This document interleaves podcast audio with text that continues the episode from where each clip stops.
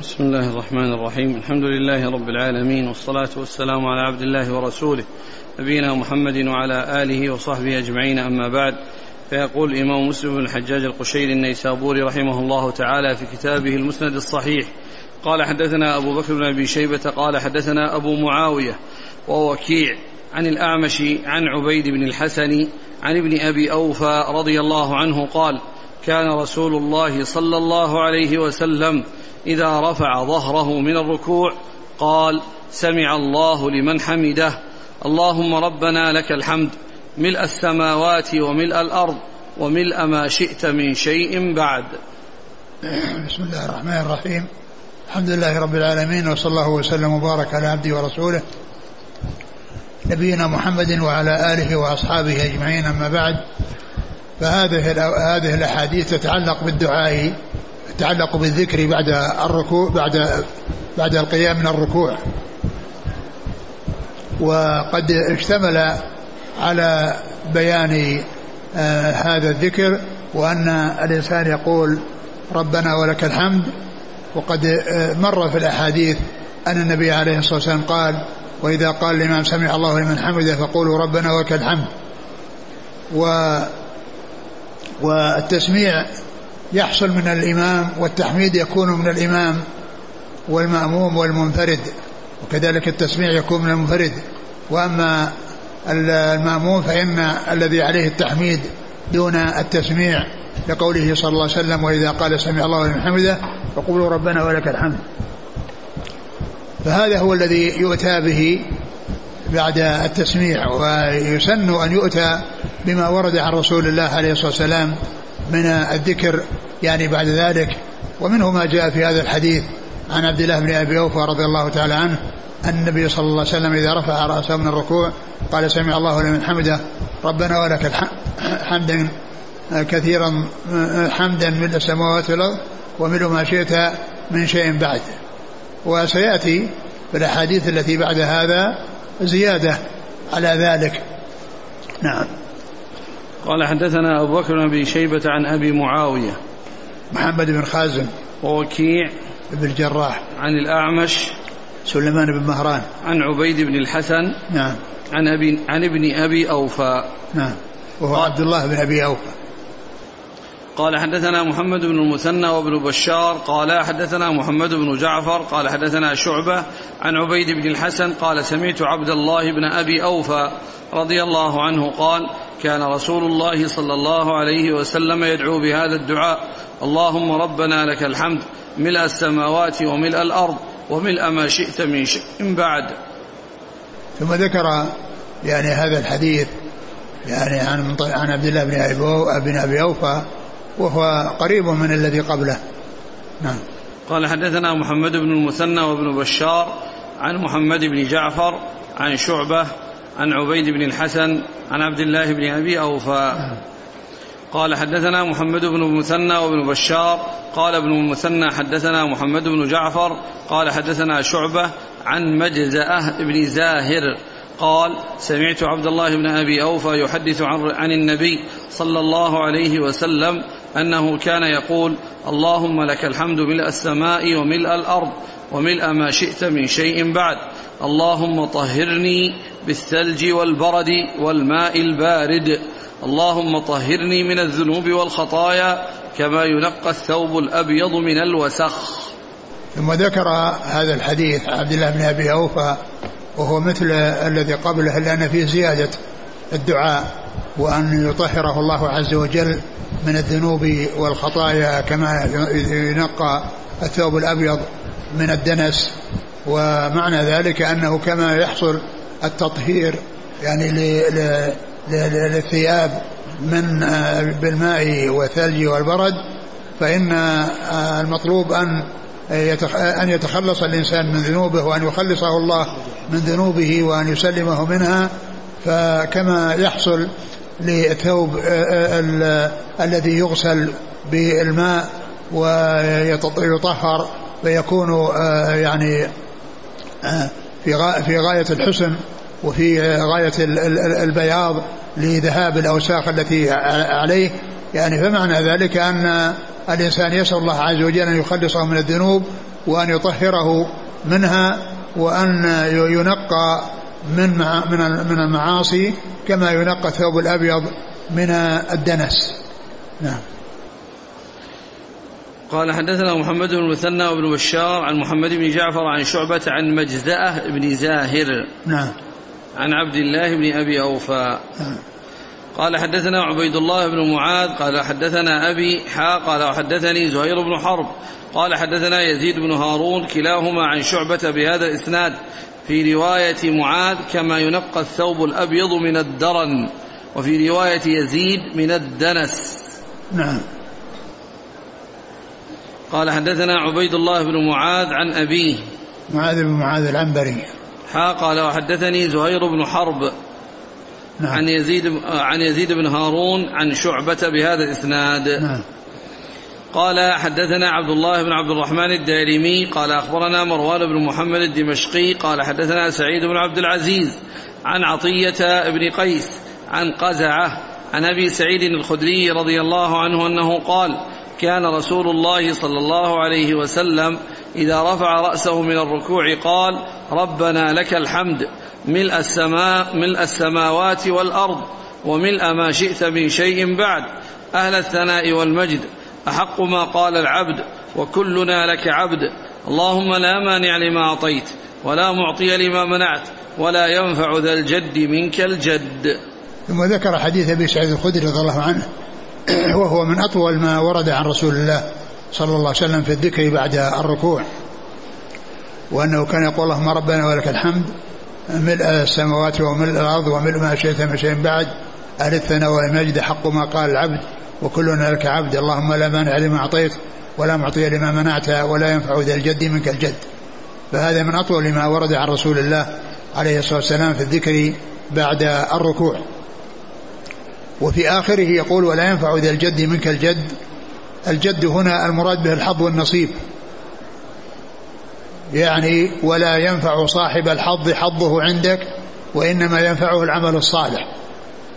فذا الجد مفعول مقدم والجد الذي جاء بعده هو الفاعل.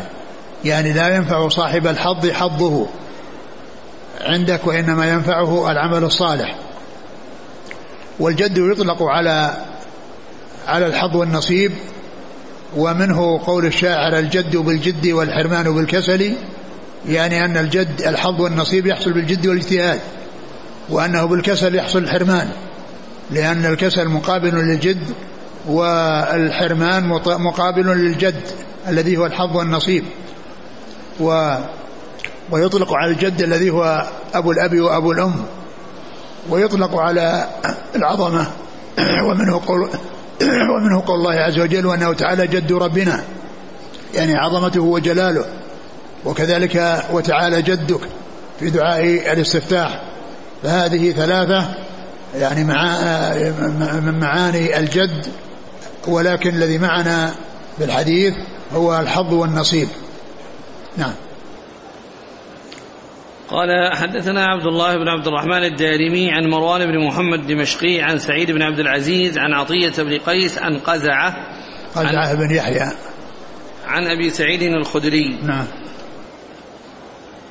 قال حدثنا أبو بكر بن أبي شيبة قال حدثنا هشيم بن بشير قال أخبرنا هشام بن حسان عن قيس بن سعد عن عطاء عن ابن عباس رضي الله عنهما أن النبي صلى الله عليه وسلم كان إذا رفع رأسه من الركوع قال اللهم ربنا لك الحمد ملء السماوات وملء الأرض وملء وما بينهما وملء ما شئت من شيء بعد أهل الثناء والمجد لا مانع لما أعطيت ولا معطي لما منعت ولا ينفع ذا الجد منك الجد.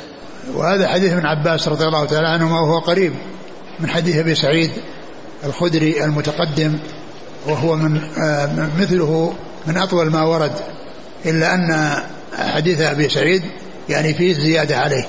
نعم. قال حدثنا أبو بكر بن شيبة عن هشيم بن بشير عن هشام بن حسان نعم. عن قيس بن سعد عن عطاء عن ابن عباس. نعم. عطاء بن أبي رباح. نعم. قال حدثنا ابن نمير قال حدثنا حفص قال حدثنا هشام بن حسان قال حدثنا قيس بن سعد عن عطاء عن ابن عباس رضي الله عنهما عن النبي صلى الله عليه وسلم إلى قوله وملء ما شئت من شيء بعد ولم يذكر ما بعده. وهذه طريق أخرى ولكنها أقصر من الطريق السابقة من حديث ابن عباس رضي الله تعالى عنهما. نعم. قال حدثنا ابن نمير ومحمد بن عبد الله بن نمير. عن حفص. حفص بن غياث. عن هشام بن حسان عن قيس بن سعد عن عطاء بن عباس. نعم.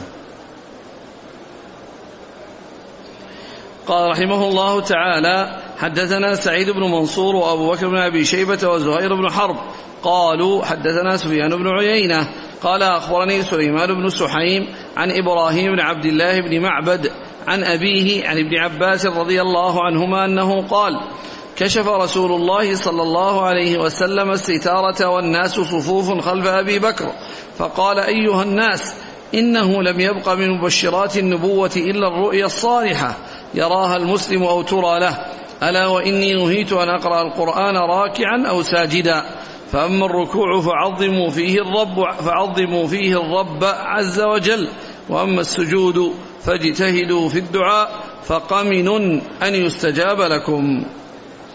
نعم بعده. قال أبو بكر حدثنا سفيان عن سليمان قال حدثنا يحيى بن أيوب قال حدثنا إسماعيل بن جعفر. قال أخبرني سليمان بن سحيم عن إبراهيم بن عبد الله بن معبد ابن عباس عن أبيه رضي الله عن أبيه عن عبد الله بن عباس رضي الله عنهما. قال كشف رسول الله صلى الله عليه وسلم الستر ورأسه معصوب في مرضه الذي مات فيه. فقال اللهم هل بلغت ثلاث مرات إنه لم يبق من مبشرات النبوة إلا الرؤيا يراها العبد الصالح أو ترى له. ثم ذكر بمثل حديث سفيان.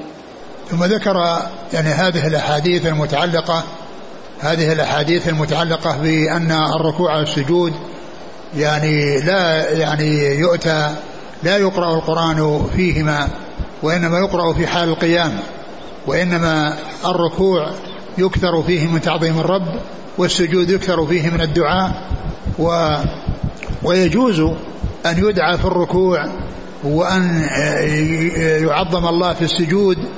وقد جاء في حديث الحديث الذي سيأتي الجمع بينهما وأن النبي صلى الله عليه وسلم كان يقول سبحانك اللهم وبحمدك اللهم اغفر لي في ركوعه وسجوده فإن قولها في الركوع فيه دعاء وهو اللهم اغفر لي وقولها في السجود فيه ثناء وهو قوله سبحانك اللهم وبحمدك. وذكر هذا الحديث أن الرسول عليه الصلاة والسلام في مرض موته كشف الستر ويعني صار ينظر إلى أصحابه وهم في المسجد وقال عليه الصلاة والسلام إنه لم يبقى من النبوة إلا المبشرات. الرؤيا الصالحة يراها الرجل أو ترى له يراها الرجل أو ترى له. وقول لم يبقى من النبوة إلا مبشرات يعني أن النبوة كما هو معلوم يحصل عن طريقها معرفة ما يستقبل ومعرفة ما يأتي ومثل ذلك انتهى. يعني بوفاة الرسول صلى الله عليه وسلم وانقطع الوحي ولكن بقيت المبشرات وهي الرؤيا الصالحة يعني كل إنسان يرى لنفسه رؤيا أو ترى له وأنه يعني سيحصل كذا وكذا ثم بعد ذلك يقع تقع الرؤيا طبقا لما حصل في ال وهذا من الأمور المستقبلة التي تعرف يعني عن طريق الرؤيا. التي تعرف عن طريق الرؤيا لكن الرؤيا التي هي من هذا القبيل هي الصالحة. ولهذا قال الرؤيا الصالحة التي يكون فيها السرور لأن من الرؤى ما يكون فيها حزن ويكون فيها يعني ضررا على الإنسان. لكن الذي هو مبشر يعني بالخير وفيه يعني بيان شيء قد يحصل للإنسان يعني في المستقبل يعني بهذه الرؤيا يعني يكون من من الشيء الذي فيه البشارة الذي فيه البشارة. فمثل هذا يمكن أن يعرف عن طريق الرؤيا. ومعلوم أن أنه جاءت الأحاديث جاءت أحاديث كثيرة في رؤى يعني تدل على بشارة. يعني ومن ذلك ما جاء في قصة رؤيا يوسف عليه الصلاة والسلام أنه رأى يعني الشمس أحد أحد عشر كوكبا والشمس والقمر يعني رآهم لهم ساجدين وكان تأويلها أن أن المراد بها أبوه وأمه وإخوانه الذين يعني جاءوا إليه في آخر الأمر. وكذلك ما جاء في حديث, حديث الطفيل بن عمرو الذي هاجر إلى النبي صلى الله عليه وسلم في المدينة وكان يعني هناك رجل يعني معه يعني كان آآ حصل له يعني ضرر بأنه أصيبت أصابعه فقطعها وأنه مات. وسأل النبي عليه الصلاة والسلام الطفيل بن عمرو وقال إن صاحبه أنه رآه في المنام وقال إنني يعني أنه حصل خيرا بهجرته إلى الرسول بإيمانه وهجرته إلى الرسول صلى الله عليه وسلم ورأى في يده يعني أن يده فيها لفافة ملفوف عليها شيء على أصابعه فقال ما هذا الذي في يديك؟ قال قيل لك قيل له أن أن لن نصلح منك ما أفسدت. فقال عليه الصلاة والسلام اللهم وليديه وليديه فاغفر.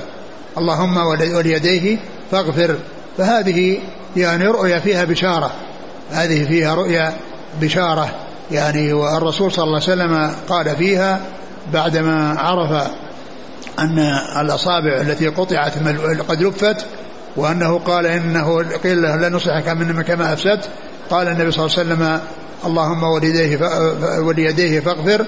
ويعني آه، آه، آه، الكتب كتب التعبير كتاب التعبير الذي في البخاري وفي غيره فيه أمثلة من هذه الرؤى التي تكون بشارة للمسلم.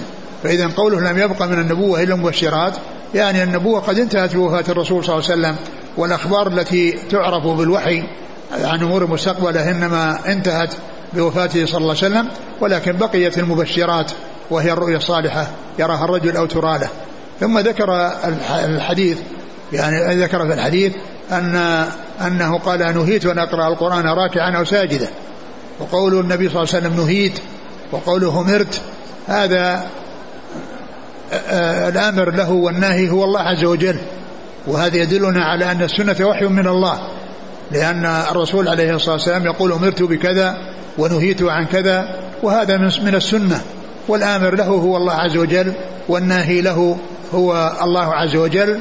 فإذا هذا يكون من قبيل أو من جملة الأدلة الدالة على أن السنة وحي من الله كما أن القرآن وحي من الله. والله تعالى يقول إن هو إلا وما ينطق عن الهوى إن هو إلا وحي يوحى. مش بعده؟ يعني بعد لم يبقى من بشرات النبوة إلا الرؤيا الصالحة يراها المسلم وترى له. نعم. ألا وإني نهيت أن أقرأ القرآن راكعا أو ساجدا. نعم. فأما الركوع فعظموا فيه الرب عز وجل. وأما السجود فاجتهدوا في الدعاء. فقمن أن يستجاب لكم. يعني قري حري أن يستجاب لكم. نعم. قال حدثنا سعيد بن منصور وابو بكر بن أبي شيبة وزهير بن حرب عن سفيان بن عيينة عن سليمان بن سحيم عن إبراهيم بن عبد الله بن معبد عن أبيه. نعم. عن ابن عباس. نعم. قال أبو بكر أبي قال أبو بكر حدثنا سفيان عن سليمان بن عيينة. عن سليمان نعم. عن يحيى بن أيوب عن إسماعيل بن جعفر عن سليمان سليمان بن سحيم بن سحيم عن إبراهيم. نعم. ابن عبد الله بن معبد عن نعم. أبيه عن ابن عباس. نعم.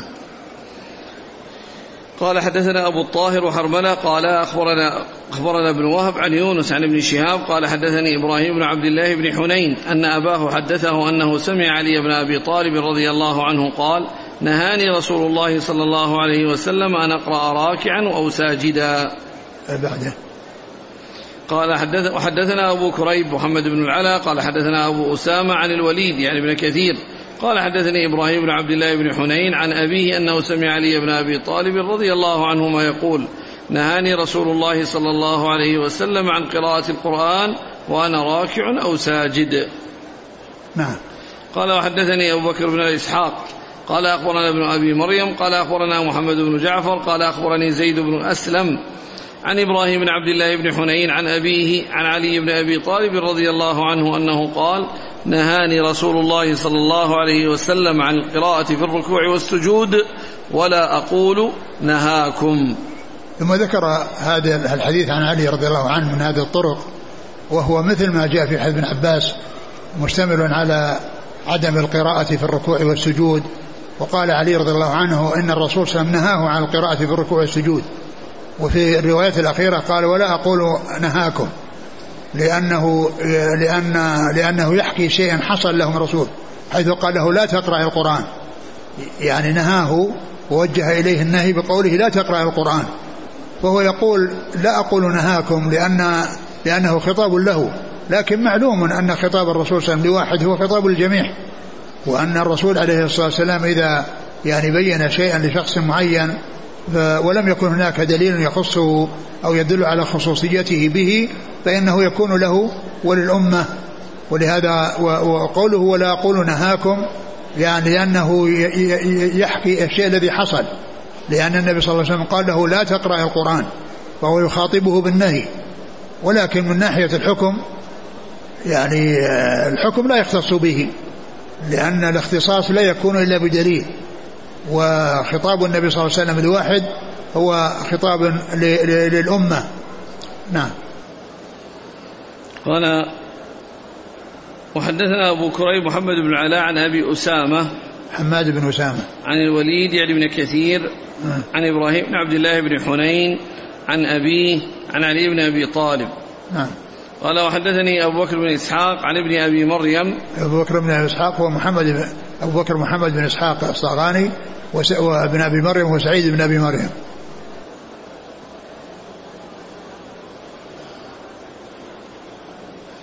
عن محمد بن جعفر عن زيد بن أسلم عن إبراهيم بن عبد الله بن حنين عن أبيه عن علي بن أبي طالب. قال حدثنا زهير بن حرب وإسحاق عن أبي عامر العقدي. قال حدثنا داود أبو عامر العقدي هو عبد الملك بن عمرو. هذا الثاني سيأتي حديث ابن عباس. نعم. قال حدثنا زهير بن حرب وإسحاق قال أخبرنا أبو عامر العقدي قال حدثنا داود بن قيس قال حدثني إبراهيم بن عبد الله بن حنين عن أبيه عن ابن عباس رضي الله عنهما عن علي رضي الله عنه قال نهاني حبي صلى الله عليه وسلم أن أقرأ راكعا أو ساجدا. ثم هذا مثل الذي قبله قال هنا قال حبي. يعني محبوبي لأن الحب هو بمعنى المحبوب. يعني مثل ما ذكر في يعني أسامة بن زيد حب رسول الله صلى الله عليه وسلم وابن حبه. حب رسول الله صلى الله عليه وسلم وابن حبه يعني حبي حبي يعني محبوبي. نعم. قال حدثنا زهير بن حرب وإسحاق عن أبي عامر العقدي. نعم. عبد الملك بن عمير. عبد الملك بن عمرو. عن أداو عن داود الذي في الإسناد داود بن قيس. نعم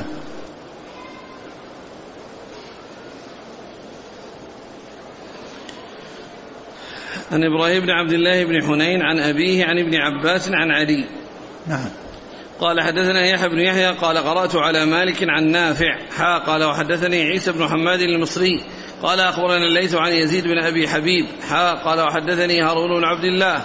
قال حدثنا ابن أبي فديك قال حدثنا الضحاك بن عثمان حا قال وحدثنا المقدمي قال حدثنا يحيى وهو القطان عن ابن عجلان حا قال وحدثني هارون بن سعيد الأيلي قال حدثنا ابن وهب قال حدثني أسامة بن زيد حا قال وحدثنا يحيى بن أيوب وقتيبة وابن حجر قالوا حدثنا إسماعيل يعنون بن جعفر قال أخبرني محمد وهو ابن عمرو حا قال وحدثني هناد بن السري قال حدثنا عبده عن محمد بن إسحاق كل هؤلاء عن إبراهيم بن عبد الله بن حنين عن أبيه عن علي إلا الضحاك وابن عجلان فإنهما زادا عن ابن عباس عن علي عن النبي صلى الله عليه وسلم كلهم قالوا نهاني عن قراءة القرآن وأنا راكع ولم يذكروا في روايتهم النهي عنها في السجود كما ذكر الزهري وزيد بن أسلم والوليد بن كثير وداود بن قيس.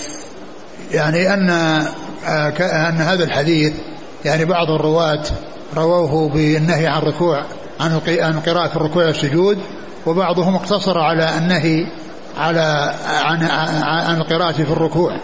ولكنه كما هو معلوم ثابت يعني الجمع بينهما في الأحاديث المتقدمة. نعم. قال حدثنا يحيى بن يحيى قال قرأته على مالك عن نافع. حا قال وحدثنا عيسى بن محمد المصري عن الليث. بن سعد. عن يزيد بن أبي حبيب. حا قال وحدثني هارون عبد الله عن ابن أبي فديك. هو ابن أبي فديك. محمد بن إسماعيل بن مسلم. نعم. عن الضحاك بن عثمان حا قال حدثنا المقدمي المقدمي. هو؟ محمد بن أبي بكر بن علي بن عطاء بن مقدم المقدمي. نعم. عن يحيى وهو القطان عن ابن عجلان. محمد بن عجلان. حا قال وحدثني هارون بن سعيد الاهيلي قال حدثنا ابن وهب. قال حدثني أسامة بن زيد. الليثي. حا قال وحدثنا يحيى بن أيوب وقتيبة وابن حجر. قالوا حدثنا إسماعيل يعنون بن جعفر. عن محمد وهو ابن عمرو. بن ابي وقاص الليثي. حا قال وحدثنا هناد بن السري عن عبده بن سليمان. عن محمد بن إسحاق كل هؤلاء عن إبراهيم بن عبد الله بن حنين عن أبيه عن علي إلا الضحاك بن عجلان فإنهما زاد عن ابن عباس عن علي. نعم. قال وحدثناه قتيبة عن حاتم بن إسماعيل عن جعفر بن محمد عن محمد بن المنكدر عن عبد الله بن حنين عن علي ولم يذكر في السجود. نعم. قال حدثناه قتيبة عن حاتم بن إسماعيل عن جعفر بن محمد. نعم. عن محمد بن المنكدر عن عبد الله بن حنين عن علي. قال وحدثني عمرو بن علي. قال حدثنا محمد بن جعفر. قال حدثنا شعبة عن أبي بكر بن حفص. عن عبد الله بن حنين عن ابن عباس أنه قال نهيت أن أقرأ وأنا راكع لا يذكر في الإسناد عليا. نعم. قال وحدثني عمرو بن علي عن محمد بن. جعفر. أيوه. عن شعبة عن أبي بكر بن حفص عن عبد الله بن حنين عن ابن عباس. نعم. قال رحمه الله تعالى لكن الدعاء في الركوع مثل بعض يعني ما جاء في القرآن من الأدعية يمكن يأتي به في السجود لأنه لا يكون قارئا وإنما داعيا. يقول رب رب كان يقول رب يسر لي رب اشرح لي صدري ويسر لي أمري أو غير ذلك. فله أن يأتي به لأن هذا على اعتبار أنه من الدعاء ولا ولا الإنسان داع وليس بقارئ. نعم.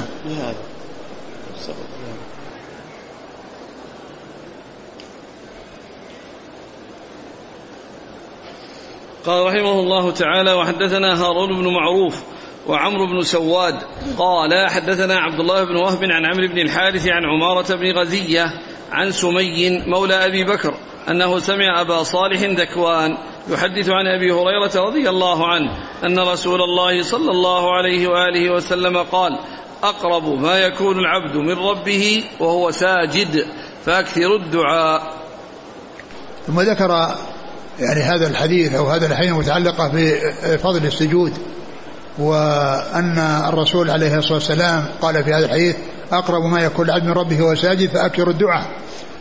وذلك أن الإنسان في حال سجوده آه، قد حصل له الذل لله عز وجل والخضوع له حيث وضع أشرف شيء فيه وأعلى شيء فيه وهو وجهه على الأرض على التراب يعفره لله عز وجل.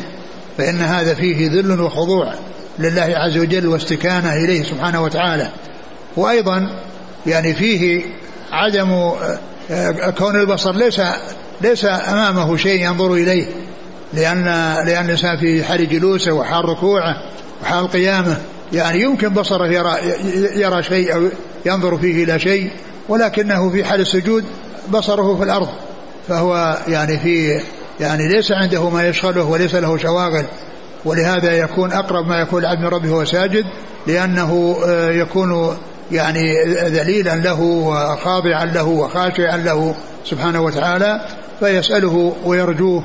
ولهذا مر في الحديث أن أنه يكثر فيه من الدعاء. وهنا قال إيش؟ فأكثر الدعاء؟ فأكثر الدعاء. نعم فأكثر الدعاء. نعم. قال وحدثنا هارون المعروف وعمرو بن سواد عن عبد الله بن وهب عن عمرو بن الحارث عن عمارة بن غزية عن سمي مولى أبي بكر عن أبي صالح ذكوان عن أبي هريرة. نعم. قال وحدثني أبو الطاهر ويونس بن عبد الأعلى قال أخبرنا ابن وهب قال أخبرني يحيى بن أيوب عن عمارة بن غزية عن سمي مولى أبي بكر عن أبي صالح عن أبي هريرة رضي الله عنه أنه أن رسول الله صلى الله عليه وسلم كان يقول في سجوده اللهم اغفر لي ذنبي كله دقه وجله وأوله وآخره وعلانيته وسره. ثم ذكر يعني بعد ما ذكر أن السجود يعني يكثر فيه من الدعاء وأنه قمن أن يستجاب للداعي ذكر بعد ذلك جملة أو مما شيئا مما ورد في الدعاء في السجود سواء كان من الدعاء أو الذكر. فكان من دعائه صلى الله عليه وسلم أنه يقول اللهم اغفر لي ذنبي كله دقه وجله وأوله وآخره وعلانيته وسره. نعم.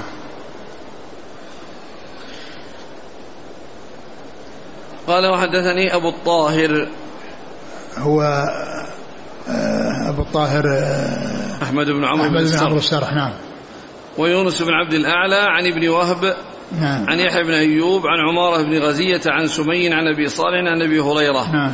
قال حدثنا زهير بن حرب وإسحاق بن إبراهيم قال زهير حدثنا جرير عن منصور عن أبي الضحى عن مسروق عن عائشة رضي الله عنها أنها قالت كان رسول الله صلى الله عليه وسلم يكثر أن يقول في ركوعه وسجوده سبحانك اللهم ربنا وبحمدك اللهم اغفر لي يتأول القرآن. ثم ذكر حديث عائشة أن النبي صلى الله عليه وسلم كان يكثر في يقول في ركوعه وسجوده سبحانك اللهم وبحمدك اللهم اغفر لي يتأول القرآن.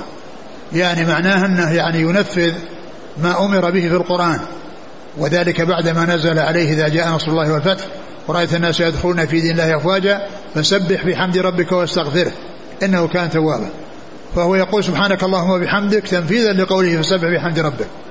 ويقول آه، آآ آه، اللهم اغفر لي تنفيذا لقوله آه، واستغفره.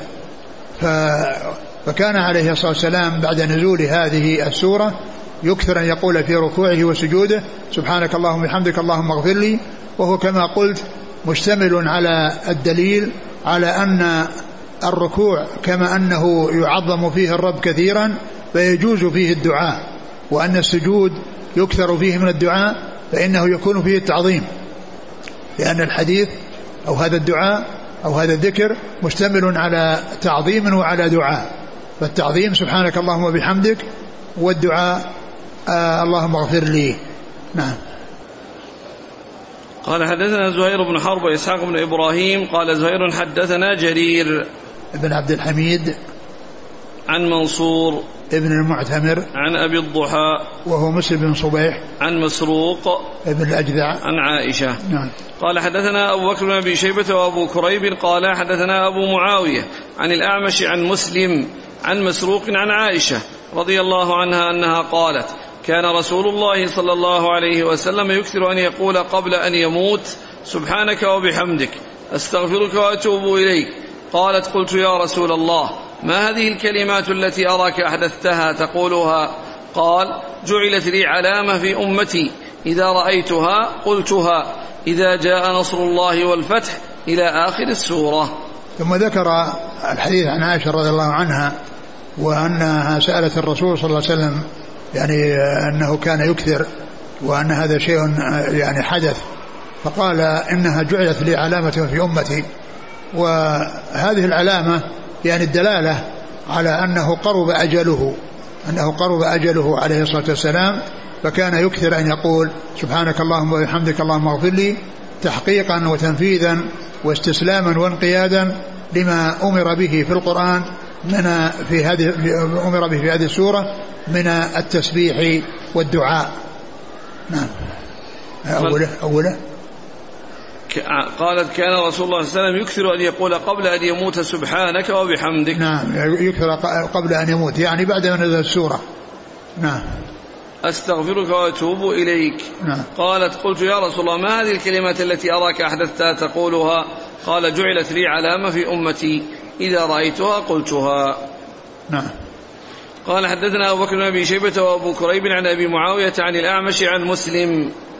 مسلم هو أبو الضحى ذكره في الإسناد الأول بكنيته وهنا ذكره باسمه.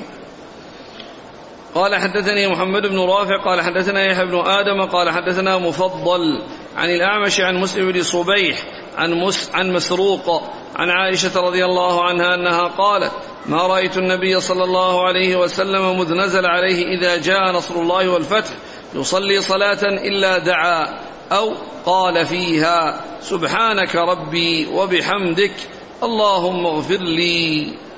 نعم. قال حدثنا محمد بن رافع عن يحيى بن آدم عن مفضل. هو؟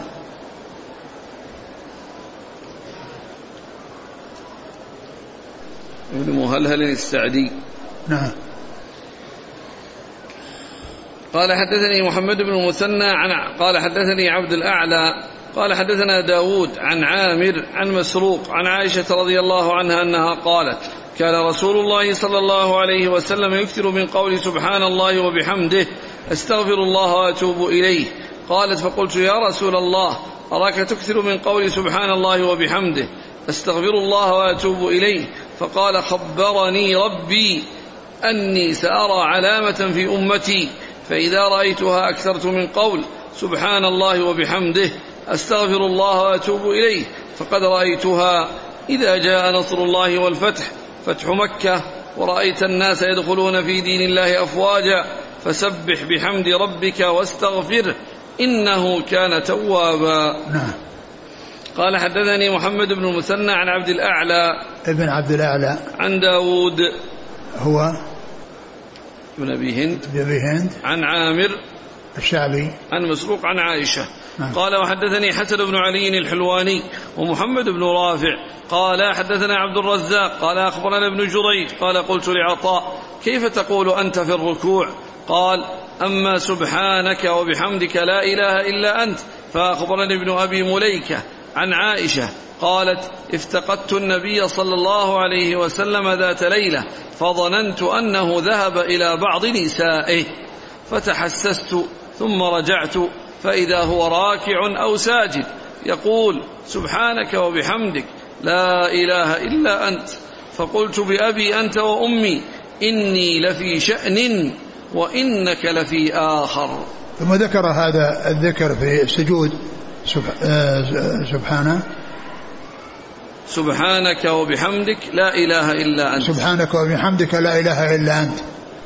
يعني هذا الذي ترويه عائشة عن رسول الله صلى الله عليه وسلم وأنها افتقدته وأنها ظنت أو خشيت أن يكون ذهب إلى بعض نسائه وأنها آه، وجدته وهو وهو يصلي فوقع يدها على على على على, على قدميه وهو يقول يعني هذا الدعاء أو هذا الذكر فقالت بأبي أنت وأمي أي أنت مفدي بأبي وأمي أنك في شأن وأنا في شأن.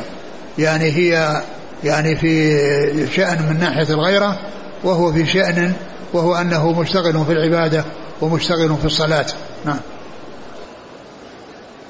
قال حدثني حسن بن علي الحلواني ومحمد بن رافع عن عبد الرزاق عن ابن جريج عبد الملك بن عبد العزيز بن جريج. عن عطاء. نعم. عن ابن أبي مليكة. نعم. عن عائشة. نعم. قال حدثنا أبو بكر بن أبي شيبة قال حدثنا أبو أسامة قال حدثني عبيد الله بن عمر عن محمد بن يحيى بن حبان عن الأعرج عن أبي هريرة عن عائشة رضي الله عنهما أنها قالت فقدت رسول الله صلى الله عليه وسلم ليلة من الفراش فالتمسته فوقعت يدي على بطن قدميه وهو في المسجد على على على بطن قدميه. نعم. وهو في المسجد. وهما منصوبتان. وهو يقول اللهم أعوذ برضاك من سخطك وبمعافاتك من عقوبتك وأعوذ بك منك. لا أحصي ثناء عليك. أنت كما أثنيت على نفسك. ثم ذكر حديث عائشة رضي الله عنها وفيه أنه كان يدعو في سجوده بهذا الدعاء. اللهم إني أعوذ برضاك من سخطك وبمعافاتك من عقوبتك وبك منك. لا أحصي ثناء عليك أنت كما اثنيت على نفسك. وهذا الحديث يعني فيه الاستعاذة بصفة الرضا من صفة الغضب ومن وبفعل المعافاة من فعل العقوبة. وبعد ذلك قال وبك منك. يعني أن كل شيء يحصل للإنسان إنما هو منك وبقضائك وقدرك.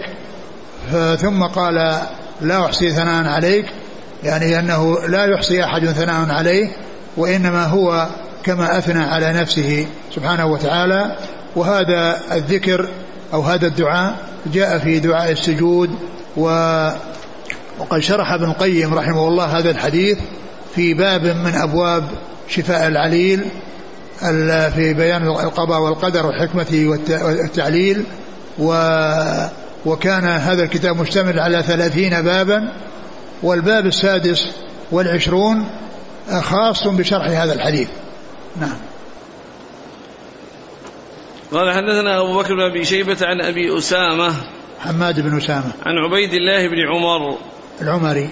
عن محمد بن يحيى بن حبان عن الأعرج. سليمان آه، عبد الرحمن بن هرمز. عن أبي هريرة عن عائشة. نعم.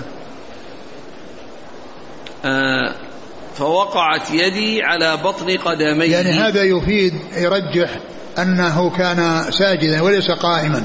راكعا في الرواية السابقة راكع أو ساجد. وهذه يعني تبين إلا أن تكون هذه قصة أخرى. لأن هنا ذكر ذكرت أنه كان في سجوده وأنه وقعت على بطن قدميه. ومعلوم أن هذا لا يكون له في حال السجود. وهما منصوبتان. يعني هذا لا يكون له في حال السجود. فإن كانت قصة أخرى وإلا فإن هذه الرواية أرجح من تلك التي فيها الشك أو هذه الرواية مبينة ومعينة للمقصود وأنه في حال السجود وليس في الرواية التي فيها شك هل هو في القيام في الركوع أو السجود. وهو في المسجد. نعم إنه يصلي في المسجد يعني خرج من حجرتها وصار يصلي في المسجد. نعم. إن في الأول قالت ثم رجعت فإذا هو راكع أو ساجد يقول سبحانك وبحمدك. نعم راكع أو ساجد يعني هناك راكع أو ساجد فإما تكون قصة أخرى وتكون هذه فيها يعني هذا الذكر وثانية فيها هذا الدعاء الأولى فيها ذكر والثانية فيها فيها دعاء فإما أن تكون قصتين وهذه فيها ذكر وهذه فيها دعاء وإما أن تكون قصة واحدة يعني وأن الرواية الثانية محددة ومبينة بأن ذلك إنما كان في حال السجود. ما يحمل وهو في المسجد أي محل صلاته من البيت؟ لا لا. لا الذي يبدو لأنها قال فقدته. ها. لو كان في البيت يعني ما فقدته.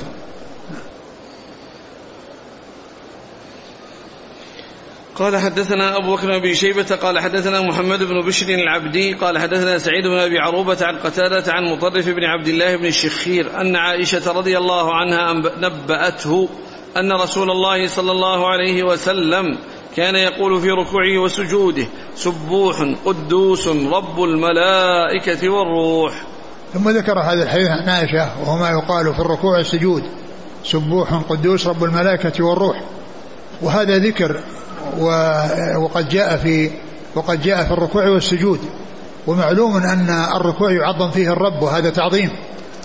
ولكنه كما عرفنا في الحديث السابق سبحانك اللهم وبحمدك اللهم اغفر لي يمكن أن يؤتى بالركوع يعني بالدعاء ويؤتى بالسجود بالذكر.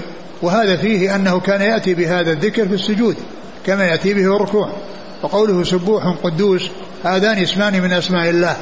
اسمان من أسماء الله السبوح والقدوس وقوله رب الملائكة والروح الروح هو جبريل عليه الصلاة والسلام وعطفه على الملائكة من عطف الخاص على العام.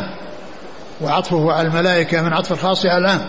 ومعلوم أن عطف الخاص والعام فيه اهتمام بالخاص لأنه ذكر مرتين. مرة داخل ضمن غيره ومرة منفرد ومستقل فهو من جملة الملائكة وهو داخل في الملائكة ولكنه نص عليه لمنزلته أو بيان عظيم منزلته وهو مثل تنزل الملائكة والروح. يعني الملائكة يعني الروح وجبريل عليه الصلاة والسلام. نعم. قال حدثنا أبو بكر بن أبي شيبة عن محمد بن بشر العبدي عن سعيد بن أبي عروبة عن قتادة قتادة بن دعامة نعم. عن مطرف بن عبد الله بن الشخير عن عائشة. نعم. قال حدثنا محمد بن المثنى قال حدثنا أبو داود قال حدثنا شعبة قال أخبرني قتادة قال سمعت مطرف بن عبد الله بن الشخير. قال أبو داود وحدثني هشام عن قتادة عن مطرف عن عائشة رضي الله عنها عن النبي صلى الله عليه وسلم بهذا الحديث. نعم. قال حدثنا محمد بن المثنى عن أبي داود وهو سليمان بن داود الطيالسي. عن شعبة عن قتادة عن مطرف عن عائشة. قال أبو داود وحدثني هشام. هشام عن قتادة. نعم هشام الدستوائي. الدستوائي ولا ولا غيره؟ نعم نعم. طبقة متأخرة نعم. نعم.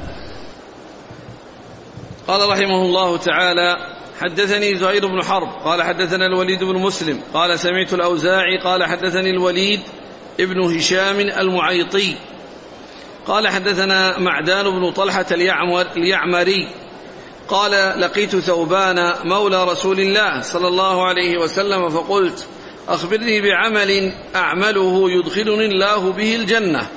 أو قال قلت بأحب الأعمال إلى الله.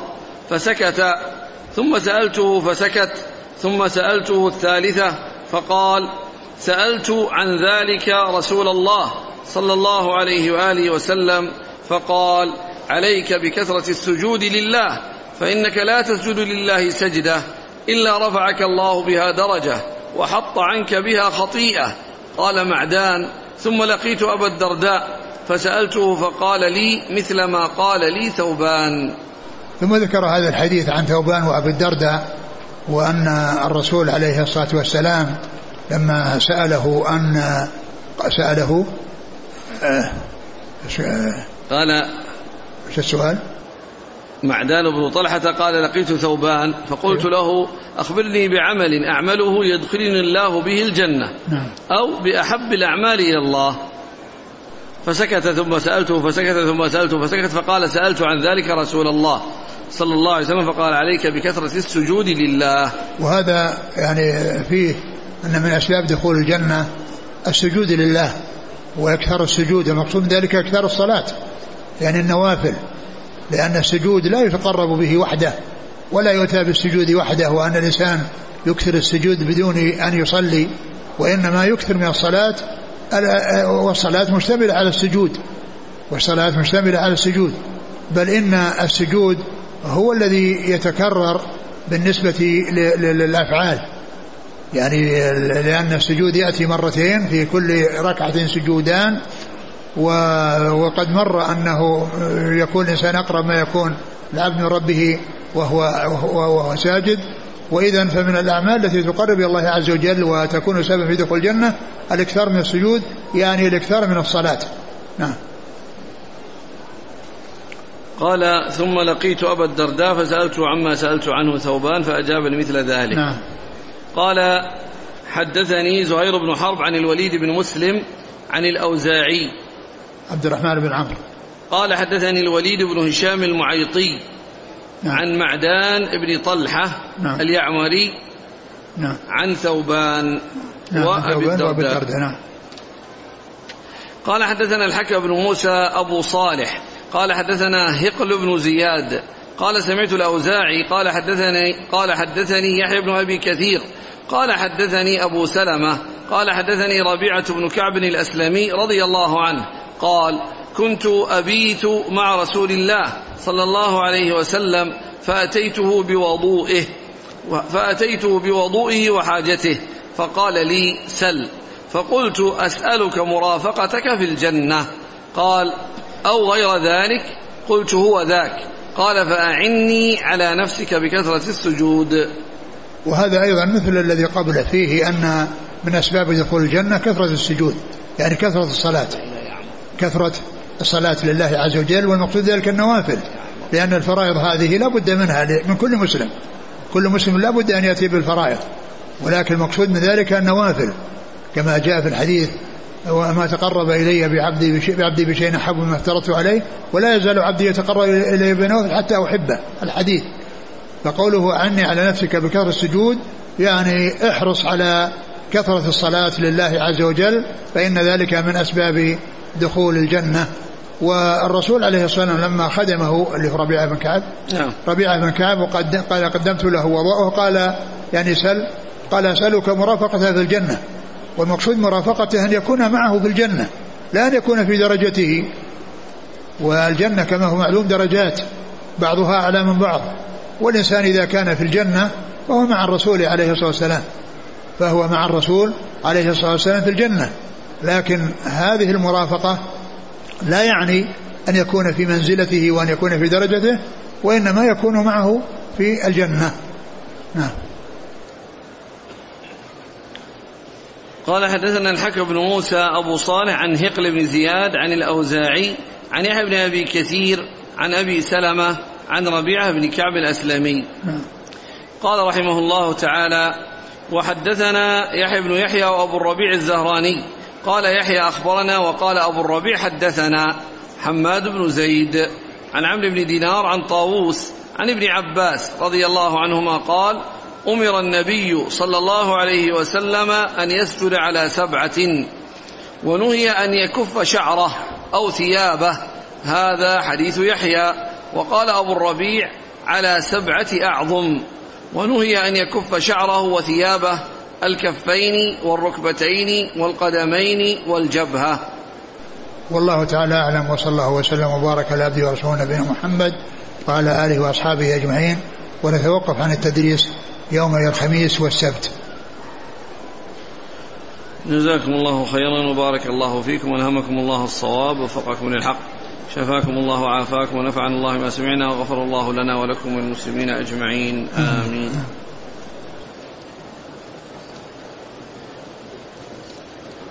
يقول فضيلة الشيخ حفظك الله هل استماع القرآن أو الأذان من الشريط أو المذياع له حكم له حكم كاستماع القرآن أو الأذان الحقيقي من حيث الإنصات وإجابة المؤذن. إذا كان الأذان يعني للبلد الذي هو فيه فمعلوم أن أن هذا الأذان في بلده وله أن يتابعه. وأما إذا كان في بلد آخر ويعني في في بلد الوقت يعني غير هذا الوقت فإنه يعني لا يجيبه. وإنما يجيب هذا الشيء الذي الذي يعني أذن له في بلده فإذا سمعه من المذياع بأن يسمع أذان المسجد النبوي وهو في المدينة فإنه يتابعه. وقراءة القرآن يسمع القرآن ولكن إذا كان منتبها له ومصغيا له ومنصتا أما أن يكون القرآن يعني مفتوح التسجيل في القرآن أو الإذاعة في القرآن والإنسان يتكلم ويتشاغل هذا ما يصلح ولا ولا ينبغي. لأن هذا إغلاق إغلاق إغلاق المذياع أو إغلاق يعني المسجل يعني هو الأولى يعني حتى لا يكون منصرفا ومتشاغلا عن القرآن.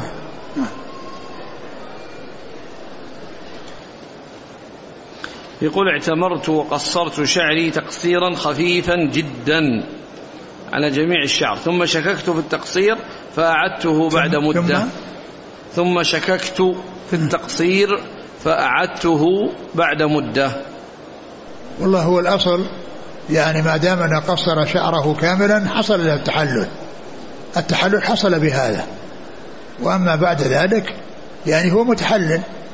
لكنه إذا كان أنه يعني ما كان مرتاح إليه لأنه ما قصر من جميعه وإنما حصل من بعضه وأراد أنه يعني يزيله.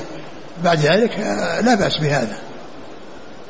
لأن هذا من دع ما يريبك إلى ما لا يريبك. لكن لأن هذاك حصل بالتحلل ما دام أنه قصر من من شعره من شعره جميعه. فالمقصود هو التحلل يكون بالحلق أو التقصير. فإذا وجد التقصير حصل التحلل. إذا حصل حلق بعد ذلك فإنه خارج عن التحلل. ما حكم الدعاء في السجود بغير اللغة العربية؟ الإنسان عليه إذا كان لا يعني ليس من أهل اللغة العربية أن يحرص على معرفة الأدعية الشرعية التي جاءت عن الرسول صلى الله عليه وسلم فيدعو بها ويتعلمها. وإذا كان يعني لا يستطيع ولم يتمكن فله أن يدعو بلغته ولكن عليه أن يحفظ يعني ما هو مطلوب وما هو لازم. يعني مثل يعني ال ال ال مثل ربنا ولك الحمد أو رب اغفر لي رب اغفر لي. يعني في, في, في السجود بين السجدتين أو في سبحان رب الأعلى أو سبحان رب العظيم. ولكن آه ما عدا ذلك يمكن أن إذا لم يتمكن أو يعرف ذلك باللغة العربية يعني يدعو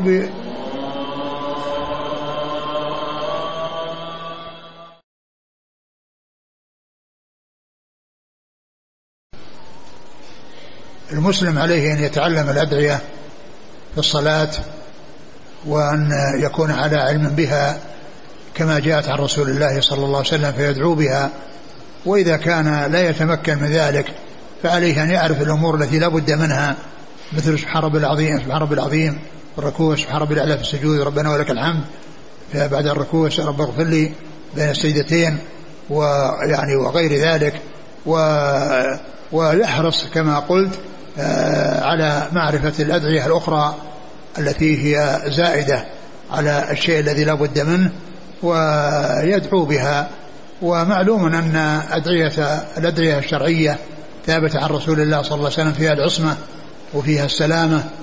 والإنسان إذا دعا بدعاء من قبل نفسه قد يدعو بدعاء يعني لا يسلم من الخطأ ولا يسلم من الميل أو الانحراف. بأن يكون يعني يدعو بدعاء غير لائق لكنه إذا عرف الأدعية الشرعية ودعا بها فإنه يحصل اتباع السنة والأخذ بما جاء عن الرسول صلى الله عليه وسلم وفي نفس الوقت تحصل له السلامة من الأمور التي قد تحصل له إذا دعا بأدعية من عند نفسه نعم. آه، ما ذكره النووي رحمه الله تعالى عند حديث اللهم إني أعوذ برضاك من سخطك ومعافاتك من عقوبتك؟ قال وفي الحديث وفي هذا الحديث دليل لأهل السنة في جواز إضافة الشر إلى الله تعالى كما يضاف إليه الخير لقوله أعوذ بك من سخطك ومن عقوبتك. يعني هو كما هو معلوم عند يعني عند أهل السنة كل شيء من الله. الخير والشر كله من الله ما شاء الله كان وما لم يشاء لم يكن.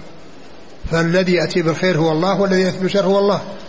ولكن يعني من باب الأدب مع الله أن الشر لا لا ينسب إليه على سبيل الخصوص مثل قول كما جاء في الحديث والشر ليس إليك. والشر ليس إليك. يعني ف ولكنه إذا دخل في, في تحت عموم قل أعوذ برب الفلق من شر ما خلق وغير ذلك هذا كل شيء من الله عز وجل. وهنا يعني كما هو معلوم ذكر أشياء متقابلة. يعني الرضا والسخط والمعافاة والعقوبة فيستعاذ من صفة بصفة من صفة وبفعل من فعل. إذا صلت المرأة في بيتها صلاة الفجر وجلست في مصلاها إلى طلوع الشمس ثم صلت ركعتين هل ينطبق عليها الحديث؟ يرجى لها. أقول يرجى لها أن تحصل الأجر الذي جاء في الحديث.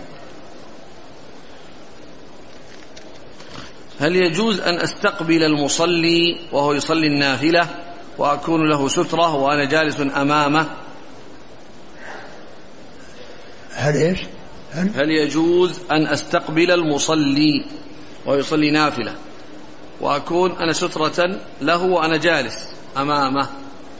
يعني أولا كونك تأتي وهو يصلي فتوجد السترة له بهذا الفعل يعني ما ما ينبغي هذا. وأما يعني كون كونه يصلي في صف وأنت موجود أمامه جالس في صف آخر يعني ومعلوم أن أن يعني الذي بين الصفوف يعني يعني لا يمر به وأنه إذا مر به يمنعه. فيعني كما هو معلوم كل صف سترة للذي قبله إذا كانت أشياء متقاربة. نعم. لكن كونه يعني يصير ملقي وجهه يعني هذا قد ينشغل به أي المصلي.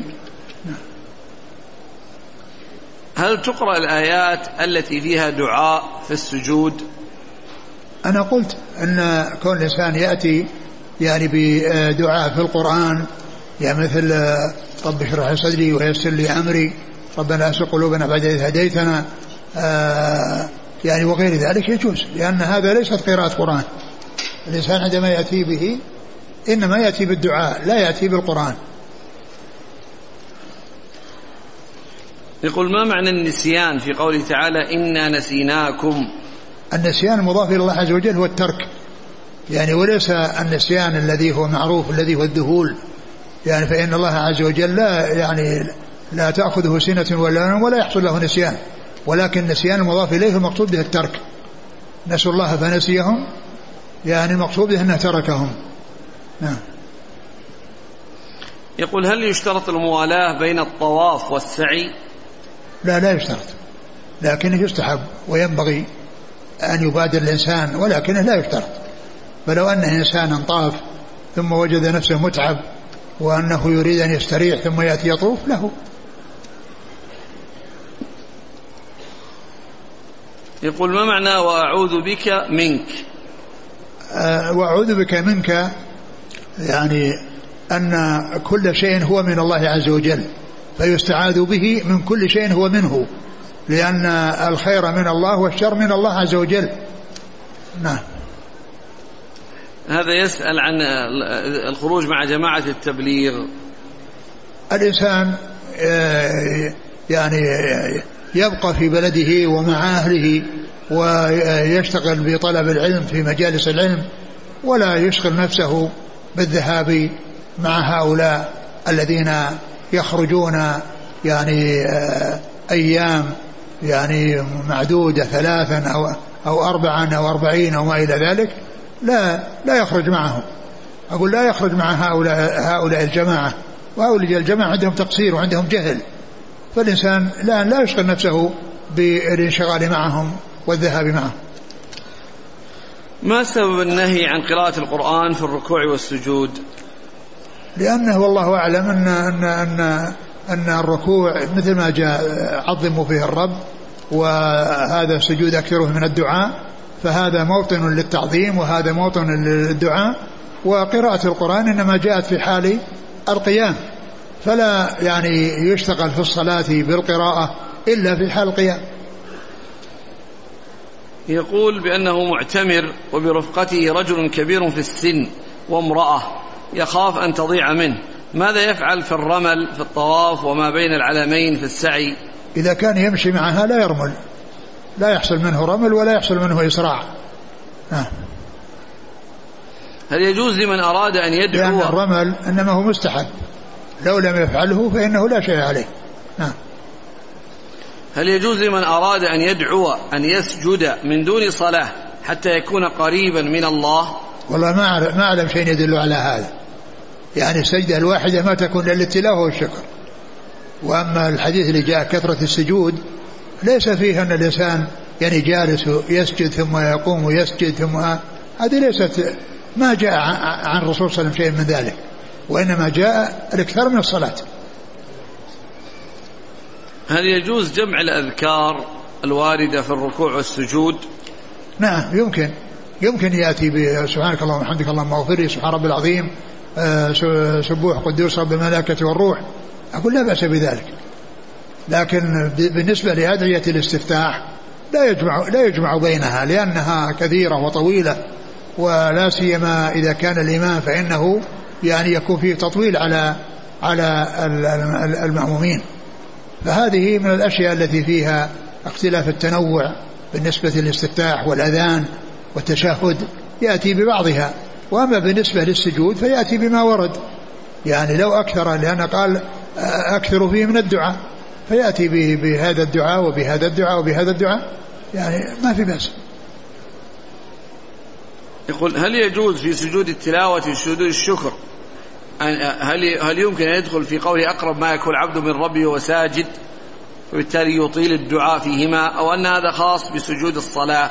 يعني السجود لا شك أنه يعني يقال له سجود وأنه قريب من الله عز وجل لكن الذي فيه الإكثار من الدعاء هو بسجود الصلاة. وأما هذا لا لا يكثر فيه من الدعاء. هل يجوز تغميض العينين في حالة السجود؟ ما جاء شيء يدل على هذا لا في حال السجود ولا في غيره. أيهما أفضل إطالة القيام أو كثرة السجود؟ الإنسان يكثر من الصلاة يكثر من الصلاة وإذا كان يصلي وحده يعني يطيل القيام ويطيل السجود مثل ما جاء عن الرسول صلى الله عليه وسلم إذا صلى أحدكم يعني في الناس فليخفف وإذا صلى لنفسه فليطول ما شاء. وكل وكل كل فيه خير فقراءة القرآن يعني فيها خير والسجود وكثرة الدعاء فيه خير. جزاكم الله خيرا. سبحانك الله وبحمدك أشهد أن لا إله إلا أنت أستغفرك وأتوب إليك.